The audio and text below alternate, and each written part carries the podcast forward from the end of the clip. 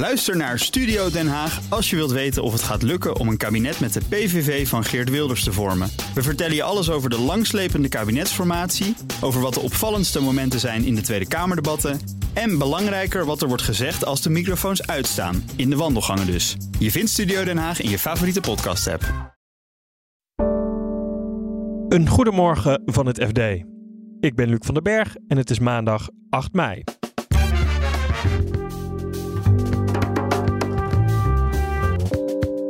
...55.000 ondernemers met coronaschulden hebben nog niks van zich laten horen. Die moeten nu echt als de donder in actie gaan komen. Want anders dan komt er in eh, juni eh, komt de deurwaarde langs. En ook de scheepvaart moet vergroenen.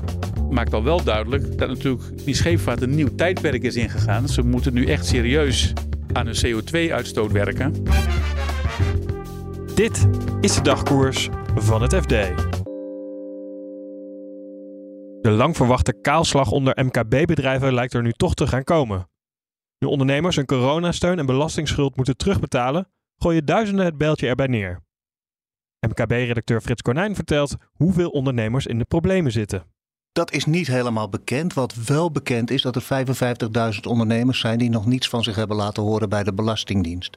Dus niet eh, zijn begonnen met terugbetalen, niet eh, hebben aangedrongen op een betalingsregeling of op gespreide betaling. En ja, die gaan, als dit zo blijft, die moeten nu echt als de donder in actie gaan komen. Want anders dan komt er in eh, juni eh, komt de deurwaarde langs. Ja, want waarom hebben we het eigenlijk nu over deze MKB-schulden? Vanwege de spoed die er nu achter eh, begint te komen. Weet je, als ze moeten nu echt in actie gaan komen. Ja, dat is de enige manier om de deurwaarder te vermijden. Ja, dus ze hebben wel al kans gehad om een betalingsregeling te Ja, er krijgen. zijn, er, zijn, er zijn diverse brieven verstuurd. En de, ja, er komt nog één brief. En eh, ja, ja, actie. Om hoeveel geld gaat het gemiddeld bij deze ondernemers? Eh, dat is tamelijk verdeeld, maar de, gemiddeld kom je uit op zo'n schuld van 35.000 eh, euro. En is er nog wat te zeggen over in welke sectoren de grootste klappen gaan vallen? Ja, daar, is, daar wordt ook wel het nodig over gezegd. Dat zou vooral gaan om horeca, winkeliers en meubel, meubelzaken. En kappers. Wa- Wat kunnen zij eigenlijk doen? Hè? Nu zij dan in de schulden zitten, ja, om daar weer uit te komen.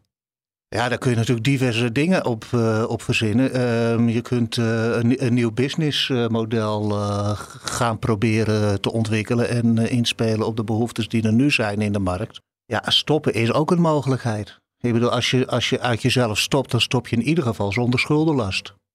Ja, want is dat altijd genoeg om, als je stopt, om met de opbrengsten daarvan de, je schuld te betalen? Daar zit ook wel een probleem, want met de huidige ontwikkeling van de binnenstad eh, worden de winkelpanden ook eh, minder waard, eh, vaak. En waar er vroeger nog wel eh, werd betaald voor winkels, is daar nu ook vaak geen sprake meer van. Ja, en ook dat betekent dus problemen, bijvoorbeeld in de, in, in, in, in, de zin van een kleine pensioenpotje dan, waar je op gerekend had. Zijn er ook nog andere manieren waarop, waarop ondernemers de overige schulden dan nog proberen te betalen, af te lossen? Ja, betalingsregeling eh, met de Belastingdienst eh, bijvoorbeeld eh, proberen te treffen. Maar nogmaals, dan moet je snel in actie komen. Regelingen met leveranciers proberen te treffen. Nou ja, dat, dat soort dingen, daar zou je ook aan kunnen denken. Nou, een enkele keer heb ik ook eh, gehoord eh, bij een, bij een factoringbedrijf over, ja, ja, dat moet je gewoon fraude noemen. Weet je, dan dienen ze rekeningen in bij eh, meerdere factoringbedrijven.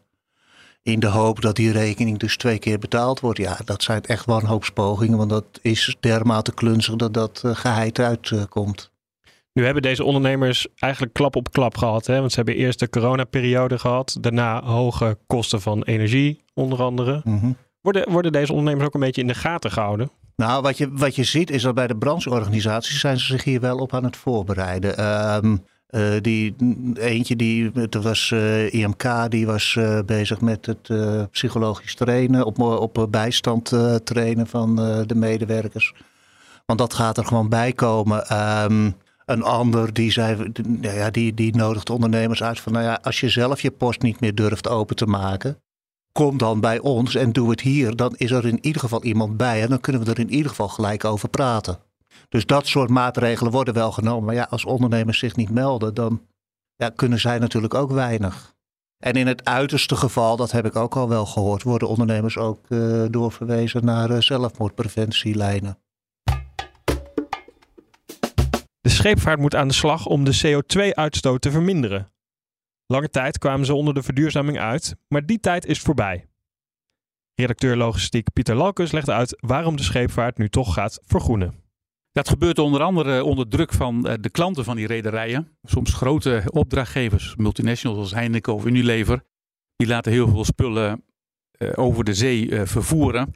En ja, die willen ook hun logistieke keten, hun aanvoerketen verduurzamen. Dat moeten ze ook wel, want ze moeten daar ook straks over gaan rapporteren in hun jaarverslaggeving. Hoe ze omgaan met, met, met het milieu en met klimaatmaatregelen. Ehm, dus onder druk van die grote klanten moeten rederijen ook gaan vergroenen.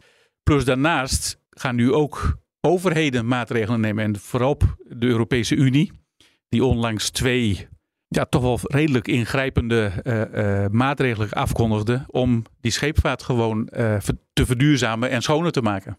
En hoe gaan ze dat doen dan? Hoe kan die hele scheepvaart toch een stuk groener worden? Nou, ten eerste moeten ze nu vanaf volgend jaar meedoen aan het Europese handelssysteem voor CO2-rechten. Dus ze moeten CO2-rechten gaan kopen. Daar zijn ze aardig wat geld aan kwijt. Dus dat is een prikkel om ook te verduurzamen. Want dus dan ben je veel geld kwijt aan die CO2-rechten. Maar goed, je moet dat natuurlijk afwegen tegen de investeringen die je dan moet doen. Wat, is, wat brengt mij het meest en wat is het duurste? Maar uiteindelijk is, als die CO2-rechten steeds duurder worden, wordt het steeds zinvoller om die uitstoot omlaag te krijgen. Dus dat is één ding dat mechanisme moet ook gaan werken. Daarnaast heeft de Europese Unie een richtlijn aangenomen waarin ehm, de, uh, schepen worden verplicht, of rederijen worden verplicht om schonere brandstoffen te gaan gebruiken. Want daar zijn harde doelstellingen aan gekoppeld voor de verlaging van de CO2-uitstoot.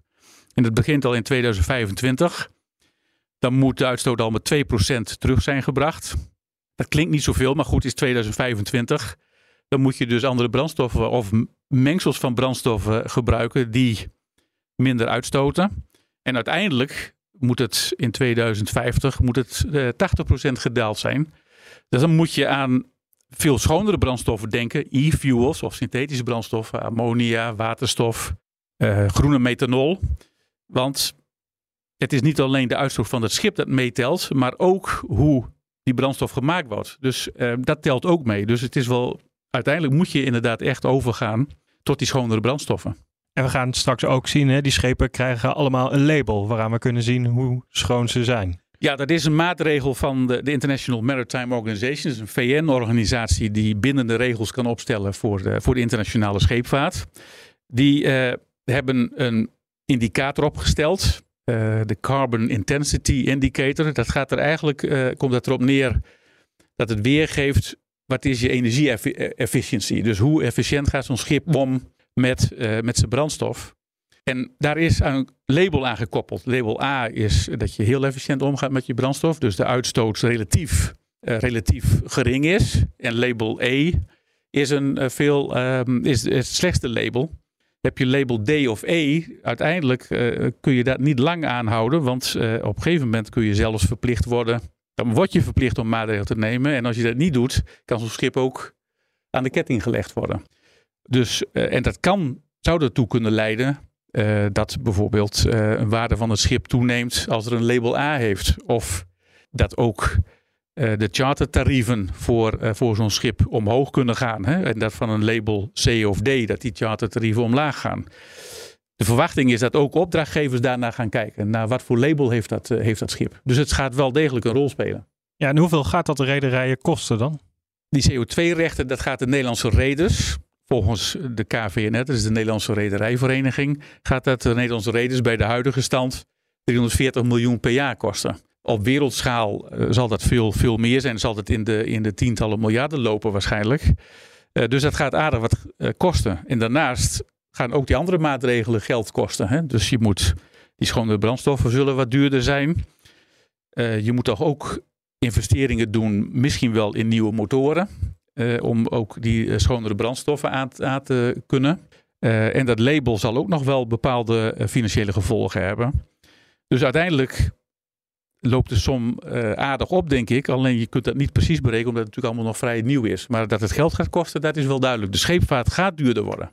Ja, en bij de producten die ik nu ga bestellen, bijvoorbeeld een paar nieuwe sneakers, ga ik daar ook die kosten in terugzien? Nou, uiteindelijk wel. Alleen dat hangt er een beetje vanaf van wat voor keten je zit. Maar omdat natuurlijk de scheepvaart, de internationale scheepvaart, is goed voor, denk ik, ruim 80% van de wereldhandel. En die wordt vervoerd via schepen. Dus er gaan ontzettend veel goederen eh, per schip worden die vervoerd. Nou, stel dat dat heel, veel duurder wordt. Als je dat overslaat naar die goederen, valt dat missie voor de consument nog mee. Er is wel een keer becijferd. Ik dacht dat CE Delft, is een onderzoeksbureau, dat dat becijferd had dat een, een paar van Nike sneakers van uh, 100, 200 euro, dat die dan euro, 10 eurocent duurder zouden worden. Nou, dat valt allemaal nog wel te dragen voor de consument. Tenminste, ik heb het er wel graag voor over.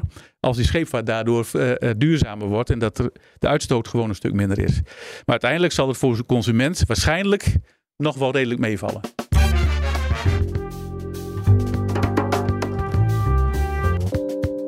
Dit was de dagkoers van het FD. Morgen zijn we er weer met een nieuwe aflevering. En ondertussen lees je het laatste financieel-economische nieuws in onze app. En om onze podcast nog beter te maken, horen we graag van jullie. In de show notes vind je een link naar ons luisteronderzoek. We hopen dat jullie die willen invullen. Voor nu een hele fijne dag en graag tot morgen.